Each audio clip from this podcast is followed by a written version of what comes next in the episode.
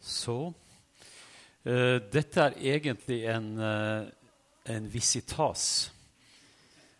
Um, for ett og et halvt år siden var jeg her på, på, på en stor høytid i menigheten hvor Kjersti og Niklas ble innsatt som pastorpar. Og jeg vet ikke hvordan vi måler vellykkethet og om det er på hvor mange barn som fødes på kort tid, da eh, Det er jo dette veldig bra. Eh, stort raskere kan det ikke gjøres, ifølge biologien. Nå er det lille Matteus som, eh, som, er født. Og jeg syns det er veldig hyggelig å få hilse på dere igjen, se dere igjen. Og så Derfor spør jeg deg, kjære menighet, dere, tar dere godt, har dere tatt godt, godt vare på Kjersti og Niklas? Jeg spør. Det er, det er fint. Det, det, smiles rundt her. Det tyder jo på at, uh, at dere gjør det. Og uh, Niklas står og gliser bak der. Så jeg, jeg håper at, uh, at, dette er bra. Jeg tror jo det, og jeg har jo fått uh, meldinger for så vidt om det. Uh, men det er ingen selv, selv, selvsagt ting at et ungt par skal trives i en veletablert menighet, og at kjemien skal være bra, og at dere skal liksom trives med hverandre også. Eh, selv om ett og et halvt år er kort tid, og så vidt har jo dere lært bygda å kjenne på, på denne tiden, så er det viktig at, uh, at, det er oppdrift i bakken, liksom, og at det er uh, ting å glede seg over, og at dere jobber planmessig og godt. Og at dere virkelig hegner om forstanderparet på en god måte. Uh, så det, det er hyggelig. Det tror jeg dere gjør. Så uh, de som spør meg, hva skal jeg svare da? Skal jeg svare at det går bra? Ja, jeg gjør det. Ellers er Mai og Svein uh, Heiestad her. Uh, venner fra Strømmen. Pinsekirken i Strømmen. Anne og Svein Jacobsen. Gode venner av Rigmor og meg. Vi har vært i samme bibelgruppe i mange, mange år nå. De er visst her på ferie, er det så? Oppå noen hytter, eller? Ja. Eh, bra. Hyggelig at dere kunne, kunne, komme og være med og fylle opp eh, her, så det ble et, et velfylt lokale i kveld.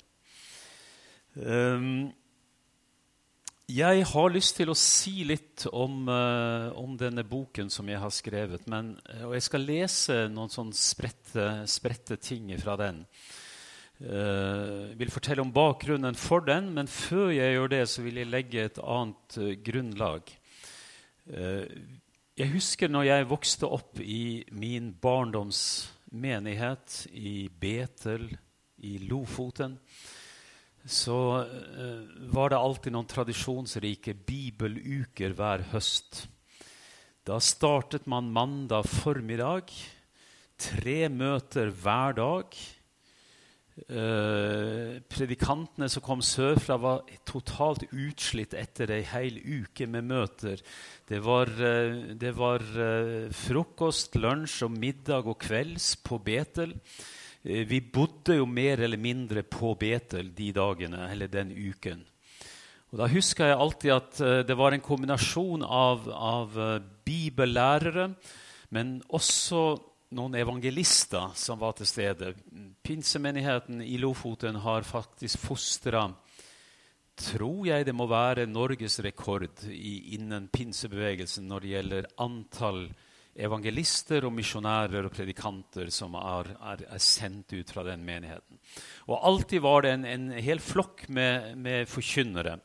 Og bl.a. Gudrun Stenbakk og Aud Hansen i sin tid før hun døde så altfor tidlig. Men jeg husker særlig Gudrun Stenbakk.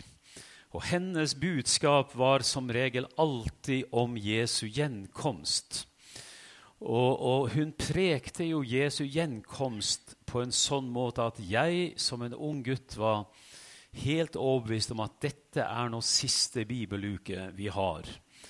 For, for uh, i løpet av de kommende tolv månedene vil garantert Jesus være, ha, ha henta sine hjem til himmelen. Så tegna hun dette bildet at vi skal rykkes i skyer opp i luften for å møte Gud, og, og hadde denne, for så vidt denne klassiske Jesu gjenkomstforkynnelsen. Uh, dette skapte i meg for så vidt en, en lengsel etter å skulle se Gud en dag, og sånn, men Samtidig syns jeg ikke det helt ga meg den, den, den hjelp jeg behøvde. Jeg, jeg, var jo i starten av livet. Var en ung gutt på 14-15 år. Eh, og så skulle jeg liksom Så var det det jeg skulle høre. At snart er alt over. Eh, og så var de relativt flinke i min barndomsmenighet til å fortelle om den vekkelsen som en gang hadde vært eh, hvor vi sto for så vidt tilbake på perrongen etter at vekkelsestoget hadde gått for 40-50 år siden. Og hva, hva ga det av, uh, av, veiledning til en ung gutt? Og så videre. Dere hører at i, i, det jeg sier, ligger det en viss sånn kritisk brodd. Uh, det betyr ikke at ikke jeg tror på, på, på, på, at Jesus skal opprette sitt fredsrike, og at det skal skje noe en gang. Eh, jeg er nok mer kritisk til noe av innholdet i den forkynnelsen. Og Årsaken til det, det er at det ble litt ja, det ble altfor lite undervist om hva det vil si at Guds rike var kommet med Jesus var kommet til jorda. For det er i grunnen mer sant at himlenes rike er kommet til jorda, enn at vi skal opp til himlenes rike et eller annet sted i, i atmosfæren. Det er den motsatte bevegelse Jesus representerer. Og i Markusevangeliet, i det første kapittelet, så står det et, eh, et, viktig ord. La oss lese det. Markus, Markus 1, versene 14 og 15. Etter at Johannes var blitt fengslet, kom Jesus til Galilea og forkynte Guds evangelium og sa:" Tiden er inne. Guds rike er kommet nær. Vend om og tro på evangeliet. Himlenes rike, eller Guds rike, har kommet nær. Hele tanken med Jesu komme og inkarnasjonen, altså at Jesus ble menneske, landet i et par sandaler og begynte å, å forkynne, begynte å formidle Guds godhet, begynte å helbrede begynte å si viktige ting om hva som kjennetegna dette riket, så var egentlig allerede himlenes rike planta i denne verden og på denne kloden som heter jorda. Og går vi gjennom alle evangeliene eh, i Det nye testamentet, så kan vi se at det er svært lite at Jesus snakker om et eller annet annet som skal hende. Jo, han snakker noe om tegn i tiden. Det står noe i Johannes evangeliet, og særlig Lukas evangeliet, om, om et eller annet oppgjør som skal komme, om en dom som skal komme, osv. Men utover dette så er det i hovedsak en, en, en, en motsatt bevegelse, nemlig at himmelriket har kommet hit, om ikke til fulle som en forsmak. Det er noe av det eh, andre kirker ofte bruker å benevne ved denne, denne, denne, denne termen 'allerede nå, ennå ikke'.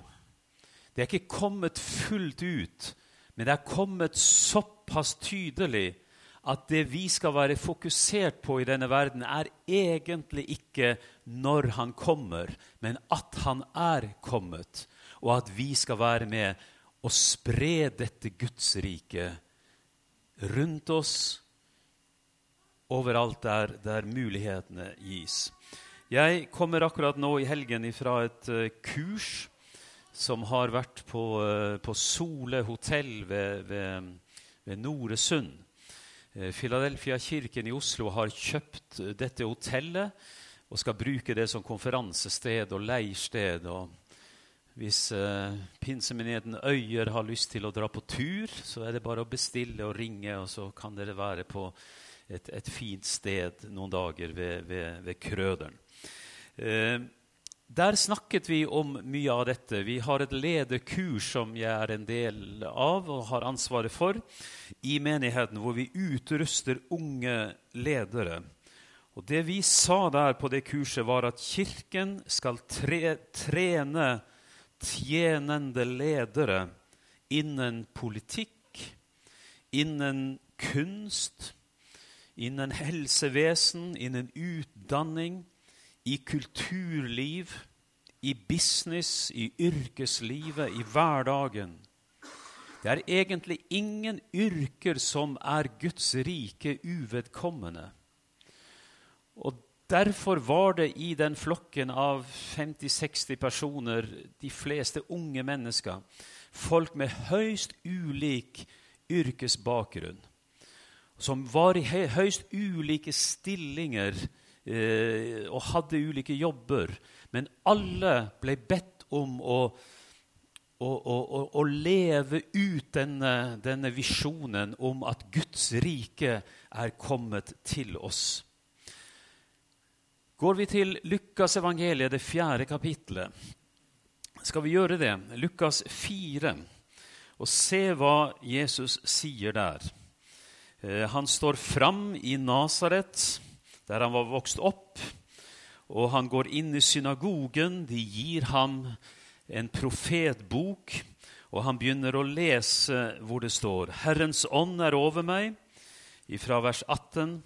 Herrens ånd er over meg, for han har salvet meg til å forkynne et godt budskap for fattige. Han har sendt meg for å rope at fange skal få frihet, at blinde skal få syne igjen og sette undertrykte fri og rope ut et nådens år fra Herren. Hvor mye av dette handler om himmelen høyt der oppe, og hvor mye av dette handler om jorda her nede? Alt handler om dette livet. Alt handler om planeten jorda. Alt handler om menneskene i denne verden. Alt handler om at Guds ånd er kommet nær for å gjøre en forandring i menneskers liv. Og vender vi oss til Matteus evangeliet, Matteus evangeliet og, og, og, leser om hvordan eh, Leser i eh, Matteus evangeliet Unnskyld meg, skal vi se, der har vi det. Matteus evangeliet, det sjette kapittel, Matteus 6. Der sier Jesus, 'Når dere ber, skal dere ikke ramse opp ord slik hedninger gjør.' De tror de blir bønnhørt ved å bruke mange ord. Vær ikke som dem, for deres far som vet hva dere trenger, før dere ber han om det. Eh, slik skal dere da be. Vår Far i himmelen. La navnet ditt helliges. La riket ditt komme. La viljen din skje på jorden slik som i himmelen. Gi oss i dag vårt daglige brød. Tilgi oss vår skyld, slik også vi tilgir våre skyldnere og la oss ikke komme i fristelse, men frels oss fra det onde. For riket er ditt, og makten og æren i evighet. Amen. Og Så begynner han å snakke om det å tilgi mennesker deres synder, osv.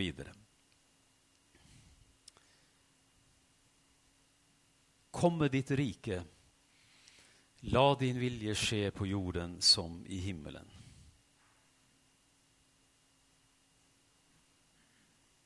Jeg tenker veldig stort om menigheten, den lokale menighet. Og tenker at det er viktig at vi har noen gode og varme og brennende visjoner for den kirken. Og at vi tenker litt sånn bredt og stort om den, den verdensvide kirke. Jeg har selv vært på en sånn en sånn reise i, i, eh, rundt disse temaene jeg taler om i, i kveld. Og, og, den sangen som ble sunget her, 'Lær meg å kjenne dine veier', og 'Lær meg å kjenne dine tanker', men lær meg først av alt å kjenne din kjærlighet, din grenseløse kjærlighet. Jeg, jeg tror at vi må våge å tenke nesten grensesprengende nytt om, det, om kirken eller menighetene. Kall det hva du vil. Når jeg bruker ordet kirke, så mener jeg for så vidt ikke Den norske kirke. Jeg mener, jeg mener Guds kirke i verden. Jeg mener alle Guds barn. Uh, har vi de, deler vi de visjonene som Gud hadde for sitt rike i verden?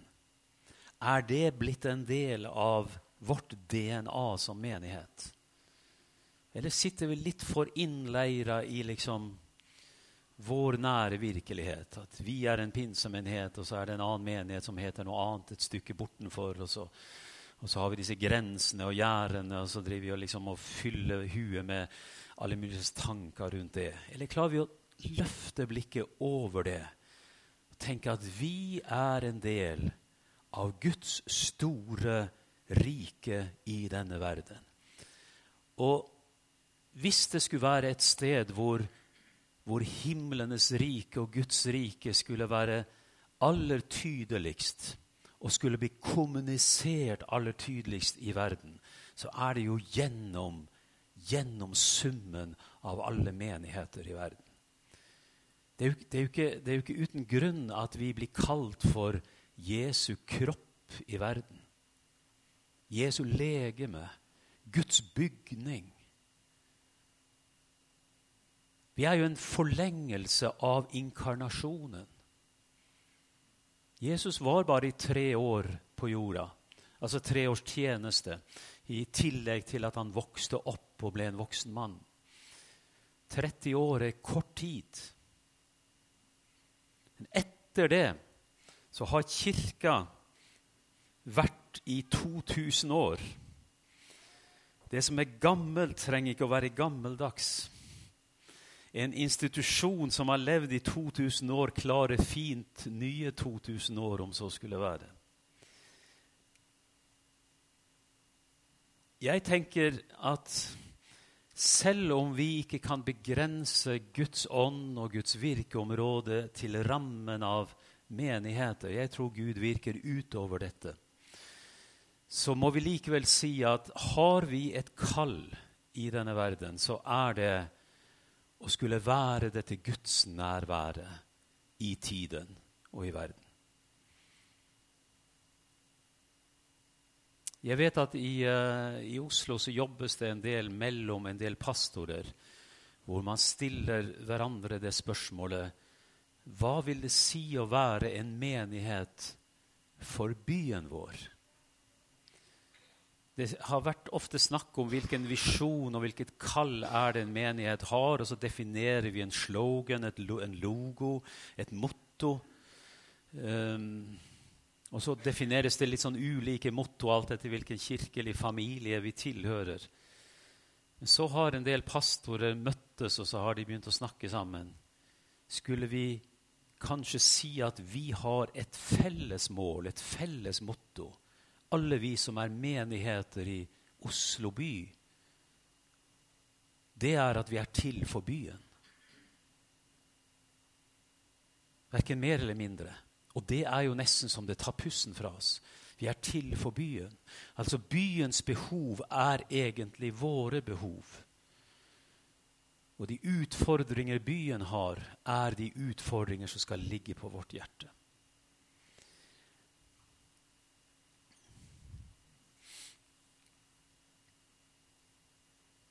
Hva er, hva er menighetens vesen og oppdrag?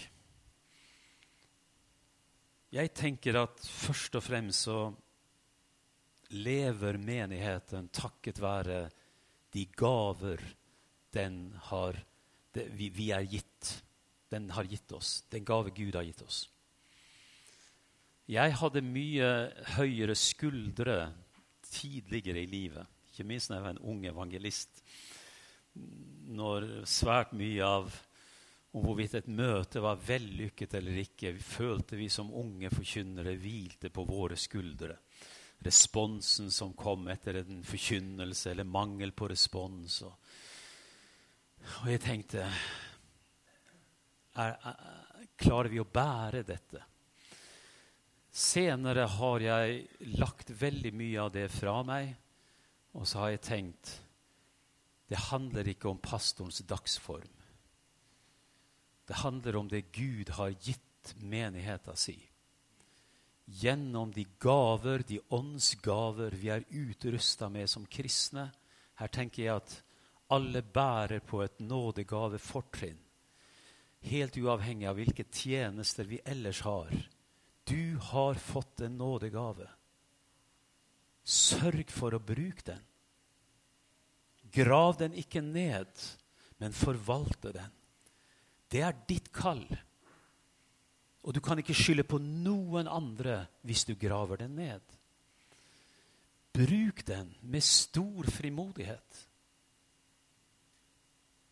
For hvis ikke du bruker din nådegave, så er det noe som mangler. Det er et eller annet som ikke fylles opp av, av det nådegavepotensial som bor i en, i en menighet.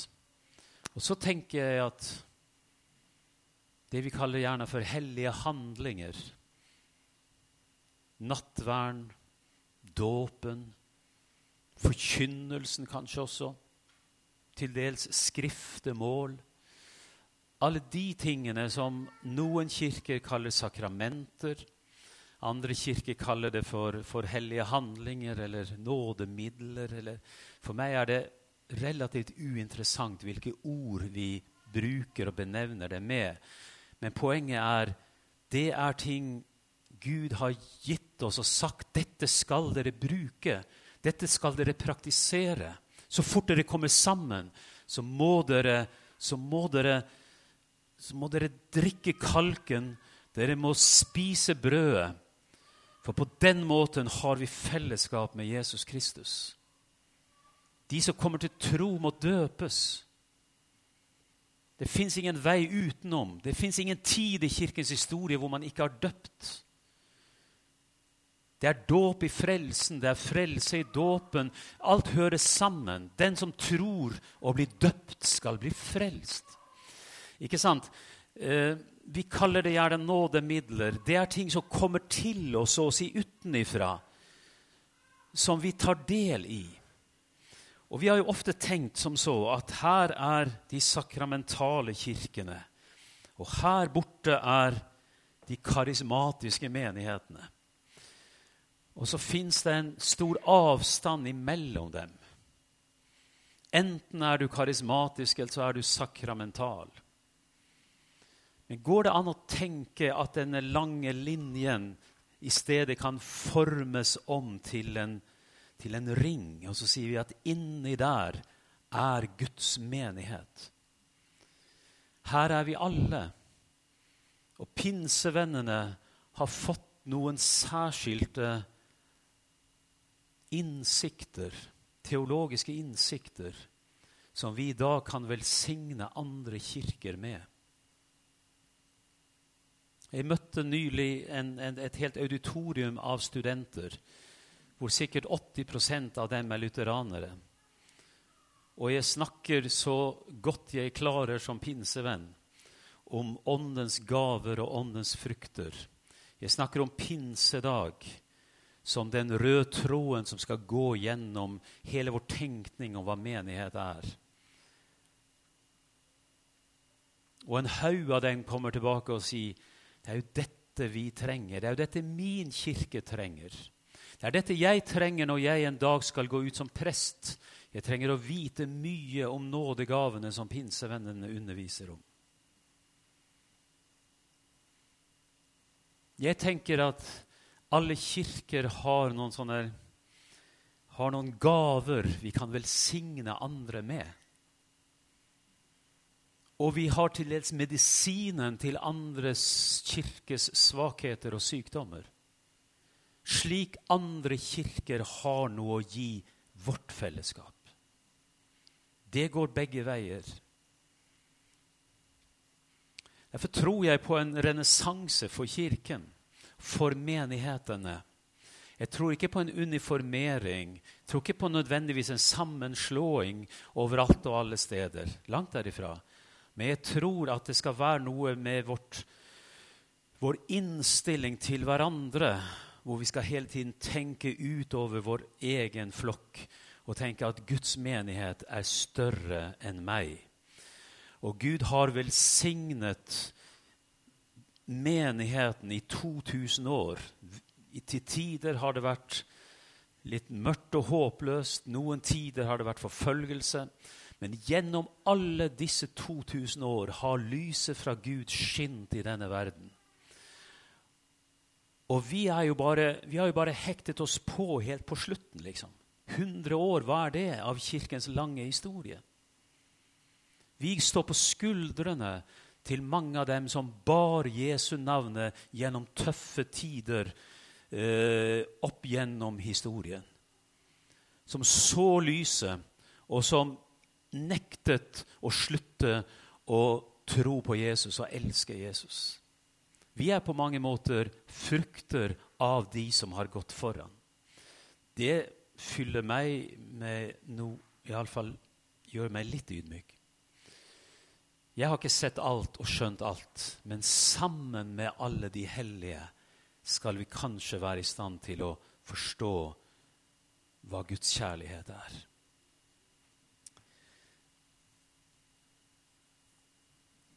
I boka som jeg har skrevet, så, så sier jeg bl.a. Uh, at å være en kristen er å ha fått Ånden. Det tror jeg er en grunnleggende sannhet. Derfor er det lenge siden jeg har sluttet med å si at det er bare de som er åndsdøpt på pinsevis, som har fått Ånden. Alle som tror, har Ånden. Ellers ville du aldri ha vært her i kveld. Den som, den som forkynner Jesus og tror at Jesus er Herre, sier det i Den hellige ånd, sier romerne. Å være en kristen er å ha fått Ånden. Slik er det også å være kirke og være menighet. For Åndens folk er derfor menigheten ikke noe mindre enn sangen om livet. Dermed handler det om å bekrefte tiden og leve i den som nådegaver fra den Gud som alltid er større enn det som får plass innenfor våre begrensede horisonter. Å være en kristen er å ha et livsperspektiv som sier at jeg er omsluttet av Gud som den store kjærlighetskraften. Det innebærer å ta del i Guds lengsel og visjon for menneskene og verden. For en dag skal profetgavene bli borte, tungene skal tie, og kunnskapen skal få gå. Men kjærligheten tar aldri slutt. Derfor tror jeg på en renessanse for, for, menigheten. Jeg tror den har en livskraft som gjør at den kommer til å leve videre. Men det handler litt om at vi framsnakker den. At vi elsker den, og at vi jobber for den. Jeg var bare 17 år gammel da jeg på en avgjørende måte kjente meg utfordra av fortellingen om Jesus, skriver jeg i begynnelsen av kapittel 2. Det var noe med han som fascinerte meg så sterkt. Det var som om han tok tak i livet mitt på en fundamental måte. Jeg husker en natt om bord på Hurtigruten over Vestfjorden fra Lofoten til Bodø. Jeg hadde funnet meg i stille hjørne, tatt fram et lite Nytestamente og begynt å lese. Plutselig var det som jeg var der. Tid og rom var borte mens jeg leste. Siden dro Jesus omkring i hele Galilea. Han underviste i synagogene deres, forkynte evangeliet om riket og helbredet all sykdom og plager hos folket. Ryktet om ham spredte seg over hele Syria, og de kom til ham med alle som hadde vondt og led av ulike sykdommer og plager. Både de som hadde onde ånder, de månesyke og de lamme, og han helbredet dem. Store folkemengder fulgte ham. Ser du det for deg? Det gjorde jeg som en ung gutt på, på 17 år. Jeg husker hvordan jeg beundra Jesus. Hvilken person måtte han ikke ha vært? Hvilken autoritet, hvilken varme. Hvilke verdier han utstrålte, hvilket fokus han hadde. Hvor radikal og modig var han ikke? Det tok tak i livet mitt i den grad at jeg på russekortet mitt et år seinere skrev rakt opp og ned For meg er livet Kristus og døden en vinning. Det var et tent. Rigmor har av og til spurt seinere hvor ble det av gløden. Men jeg sier til henne at jeg har den fortsatt, men bare på en litt annen måte. Hadde det ikke vært for personen Jesus, ville mange av de store og vonde paradoksene i tilværelsen kanskje vært så vanskelig å forstå at jeg kanskje ikke engang hadde vært en kristen i dag. Hadde det ikke vært for Jesus. så skriver jeg litt om uh, det jeg kaller for i korsets krysningspunkt. For noen år siden hadde Ralf Ditlev Kolnes og Notto Telle eh, Sistnevnte er en, en, kjent teolog, professor, eh, senior, altså pensjonist nå. Men de hadde en brevutveksling i eh, avisen Vårt Land. Og eh, I januar 2010 så skrev Kolnes følsomt og gjenkjennende om vår gudslengsel, som finner sitt feste i det mysterium som heter Guds nærvær. Og han skrev følgende.: Lengselen overlever Guds fravær. Men i dypet av dette tomme rommet ligger en anelse at langt utover alle solemerker, langt bortenfor det sannsynliges siste grenser, makter bønnen fra urolige sjeler å nå fram til sin hemmelige adresse og si, Fader vår, du som er i himmelen. Og når disse to møtes, vår Guds lengsel og hans lengsel etter oss Når disse to møtes i korsets krysningspunkt, da flommer lyset mot oss som evangelium. Om jeg skulle gi svar på det som gir meg livsmot og glede, og gjør at troen har overlevd et langt livs vandring, da er den korteste formelen dette aldri alene. Det paradoksale ved kristen tro at jeg til tider må inn i skyggene for å se Kristi lys. At jeg må inn i ensomheten for å kjenne mysteriet ved Guds nærvær, og at jeg må erkjenne egne svik for å erfare Guds nåde.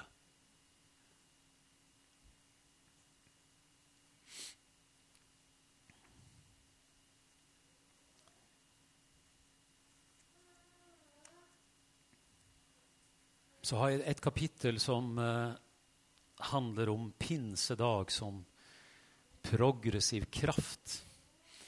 Jeg lar pinsedagsfortellingen gå som en tråd gjennom hele boka, og jeg starter det kapitlet på denne måten med å fortelle om en mann som jeg alltid har beundra. Thomas Balbarat var engelskmannen som elsket Norge mer enn de fleste. I en periode var han Metodistkirkens fremste leder her til lands. Men en uro hadde festa seg hos ham.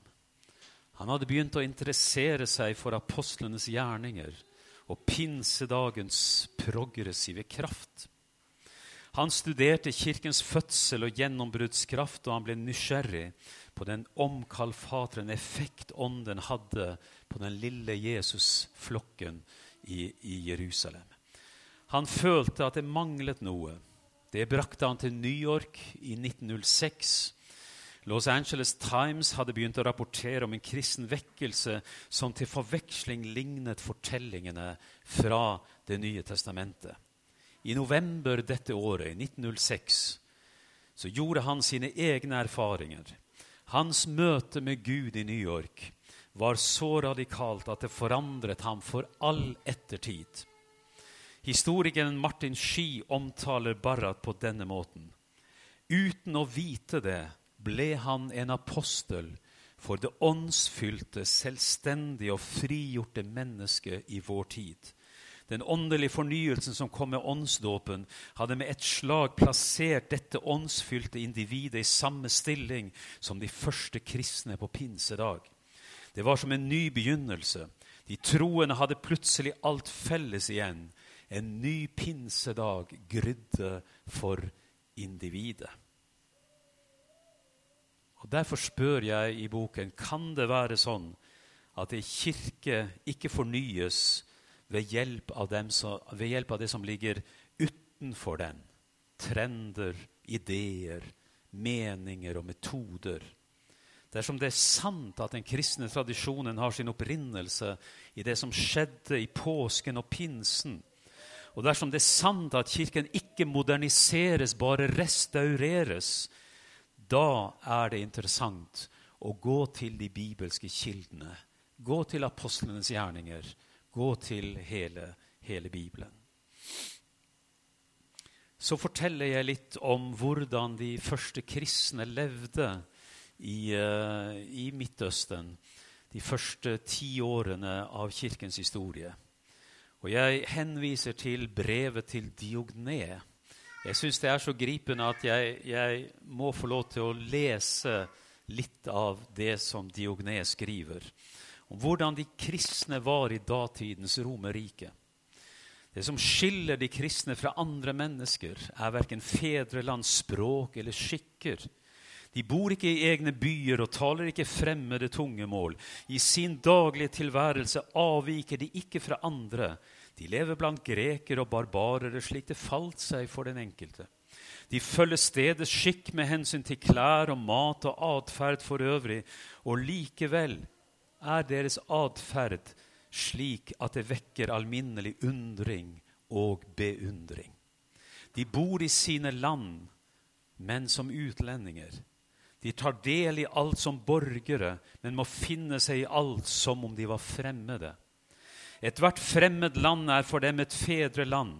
Ethvert fedreland er fremmed for dem. De gifter seg med andre og får barn, men setter ikke ut sitt avkom. De deler bord, men ikke ekte seng med andre. De er i kjødet, men de lever ikke etter kjødet. De bor på jorden, men har sitt hjem i himmelen. De adlyder de gjeldende lover, men gjør dem overflødige gjennom sin livsferd. De elsker alle, og de blir forfulgt av alle. Man kjenner dem ikke, og allikevel fordømmer man dem. De blir til slutt slått i hjel, men de blir gjort levende. De er fattige, men de gjør så mange rike. De mangler alt, men har overflod i alt. De blir vanæret, men i vanæren vinner de heder. De bekjempes som fremmede av jødene og forfølges av grekerne, men de som hater dem, kan ikke forklare årsaken til sitt hat. Det er jo en fantastisk beskrivelse av kristne. Ca. 1400-1500 år senere så man kommer til anabaptistene nede på kontinentet. På mange måter frikirkens forløpere. En uh, ung kvinne er blitt tatt av uh, moderkirken fordi hun er blitt For hun har bekjent seg til anabaptismen. De gjendøperne, som de ble kalt. Og hun er blitt satt i fengselet i Antwerpen. Og fra dette fengselet i Antwerpen så skriver hun et brev. Hun vet at hun får leve bare til hun har født barnet sitt. Hun er nemlig gravid. Hennes mann blir også tatt, og han blir drept. Hun får bare utsatt sin dødsdom i noen måneder. Så skriver hun til barnet sitt, som enda ikke er født, men som han finner brevet hennes etterpå. Kjæreste barn, må Guds sanne kjærlighet styrke deg i renhet. Du som ennå er så ung, og som jeg må etterlate meg i denne onde, grusomme og råtne verden. Og om det hadde behaget Herren at jeg skulle få lov til å oppdra deg, men det ser ikke ut til at det er Guds vilje. For nå er det altså slutten for din far og meg. Vi passet så godt sammen, og vi kunne ikke ha sviktet hverandre for verdens skyld. Og likevel måtte vi forlate hverandre for Herrens sak. Vi fikk bare lov til å leve sammen et halvt år, hvorpå vi ble grepet for å ha søkt frelse for våre sjeler. Du skal ikke skamme deg over oss profetene og apostlene gikk den samme veien. Dette er en del av de skattene som fins i kirkens historie, og som er en del av, av vår historie. Jeg har mange bilder av min far, forteller jeg et sted i boken, som har festet seg i tankene mine fra jeg var liten. Han var en stor og traust mann ikke lett å vippe av pinnen. Et av bildene er når han hver søndag formiddag står på kjøkkenet og lager brun saus på gammelmåten. Fra bunnen av. Dere skjønner hva det er? Eh, det var vel stort sett det han kunne på kjøkkenet, og som kjent tok det sin tid å lage saus på gammelmåten. Samtidig hørte han på radiogudstjenestene. Den fylte stua vår med en spesiell stemning, kan jeg huske som barn. Og innimellom kunne jeg høre at den svære kroppen kom med et slags sånn melankolsk, salig utrop. Ja takk, kjære Jesus. Eller han kunne ligge under bilen og reparere eksosanlegget. Han hadde jo ikke råd til å ville ikke bruke penger på å bringe bilen til et verksted, så han gjorde alt sjøl. Eh, han kunne være på Slåttmarken eller ved sløyerbenken. Da hørte jeg det samme. Kjære, gode Jesus. Og bordbønnen hans var veldig enkel. Han sa bare 'mat i Jesu navn'. Det, det var pappa. Eh, jeg møtte altså kristendommen som Jesus' begeistring og som slags innlagt vann. Eh, med takknemlighet over, over livet og glede over Guds gode gaver. Blant de mange alminnelige troende i bygder og byer har jeg sett slitne hender folde seg i takk og bønn fordi de trodde på makten i de foldede hender. De, de takket for alt, fra brødet på bordet til tak over hodet, fra markens grøde til fisken på kroken. Midt i enkle hverdagskår var det tydelige spor av tillit og engivenhet til Gud. Dette tenker jeg er, tenker jeg er Guds rike i denne verden. Og så Og så har jeg blant de mer prosaiske tingene vi arvet etter vår mor, så var det en bok med kakeoppskrifter. Da hun døde, satte jeg meg ned for å se nærmere i den boken jeg trodde var hennes bok om kakeoppskrifter.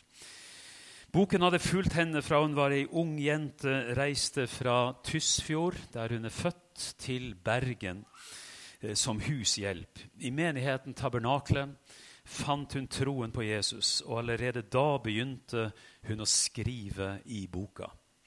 Og hva er det jeg finner? Jo, jeg finner bønner, skriftsteder, noen gode prekensitater. Jeg finner en håndfull sangtekster.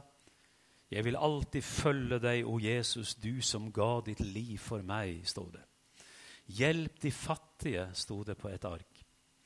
Vær god mot alle, for vennlighet er et språk som den døve kan høre, den blinde kan se, og den stumme kan forstå, kunne jeg lese. Og innimellom sto det noen oppskrifter om sjokoladesnitter, mandelstenger og ei formkake. Og jeg ser på datoene. Hun var rundt 20 år og var nylig blitt kristen. Da hun etter noen år var blitt mamma til fem barn, så var det disse verdiene som hun ga oss. Det hun skrev, kan summeres i ordet takknemlighet. Det var så konkret og så praktisk. Et stykke Guds rike inn i vår lille verden, som var mitt barndomshjem.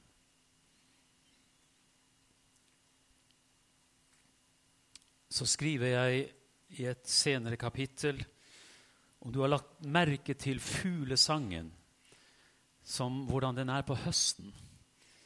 Eh, det slo meg under noen sene høstdager i fjor. Jeg runda hjørnet i gaten der vi bor. Den heter for øvrig Sorgenfri gaten. Jeg syns ikke det er så gærent navn på ei gate i Oslo. Og, det, og, og, denne sangen fra fuglene slo imot meg fra trærne som er på begge sidene av gaten. Det var hundrevis av fugler mellom løvbladene. På høsten er det flere enn vanlig, for alle ungene er også med i fuglesangen. Det virker som de driver en form for mobilisering før de legger ut på eh, reise. Jo flere de er, jo sterkere synger de jo nærmere vinter og kulde, mer intens blir sangen. Også Guds folk synger. Noen ganger lovsanger, andre ganger klagesalmer. Sangen gir troen vinger. Men så stiller jeg noen spørsmål ved, ved om sangene våre er breie nok. Høres evangeliet i hele sin fylde i lovsanger i dag? Hvor er sangen som minner oss om klodens helsetilstand?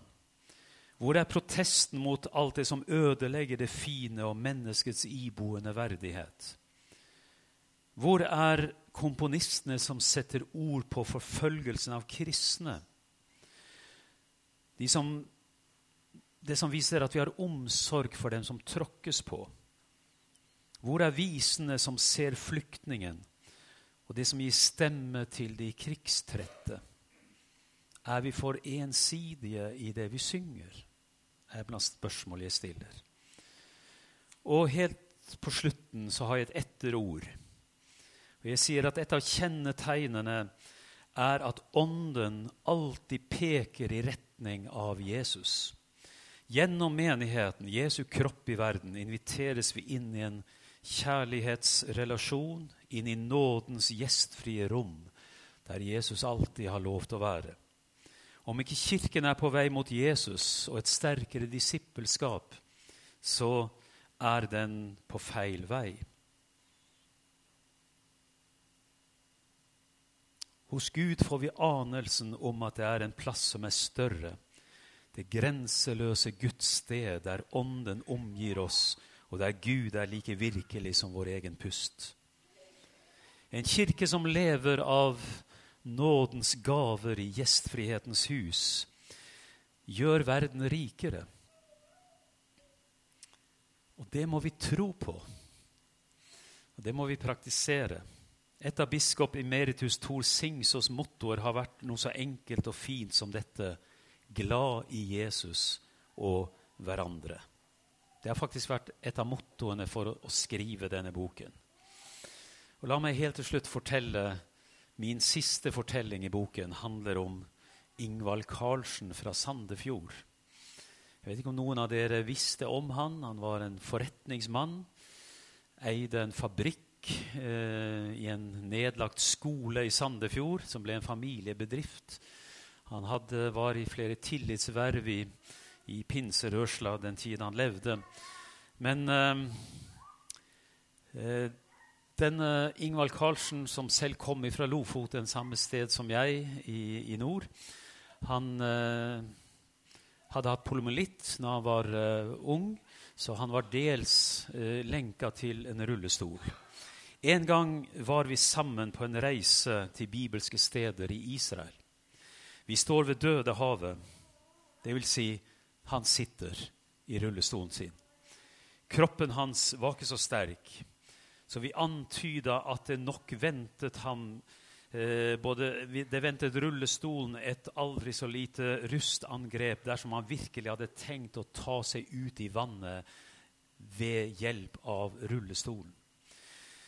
Eh, som kjent inneholder Dødehavet så mye salt at du flyter når du kommer langt nok uti. Men Ingvald blåser av det, for han hadde god råd til å kjøpe en ny rullestol, og han hadde allerede sett for seg noe større. Noe som skulle minne ham om kroppens fysiske oppstandelse. Og det var nettopp det som skjedde.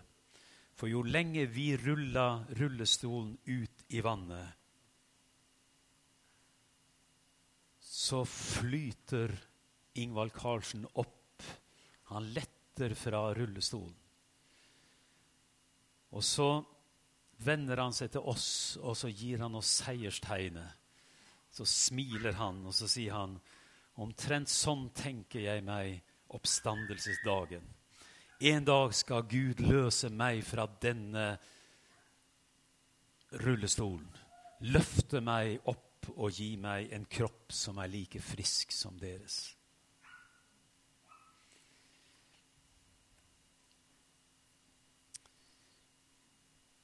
Ja, nå har jeg vel brukt opp tida mi, har ikke jeg det? Uh, jeg, jeg, har jo tusen ting å skulle sagt, selvfølgelig, men uh, jeg må uh, ta hensyn til dere.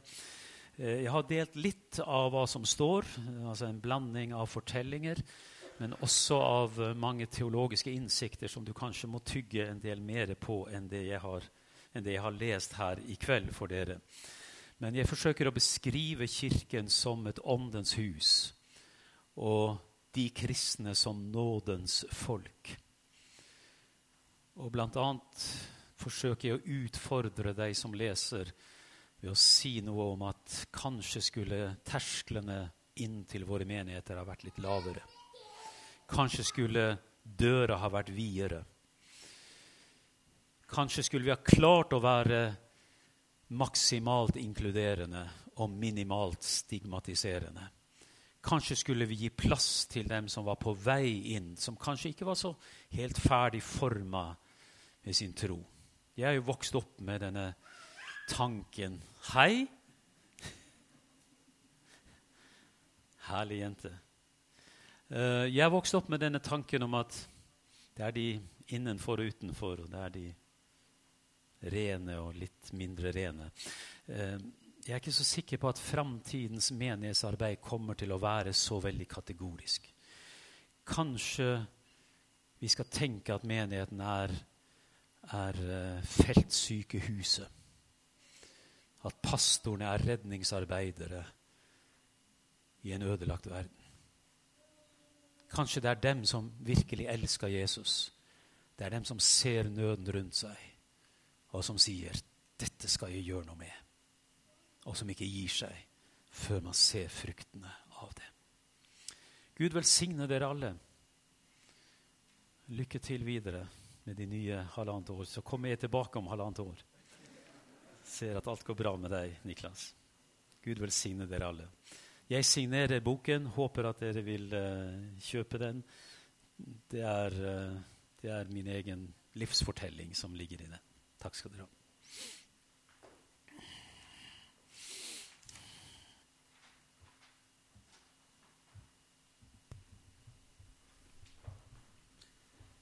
Tusen takk. Eh,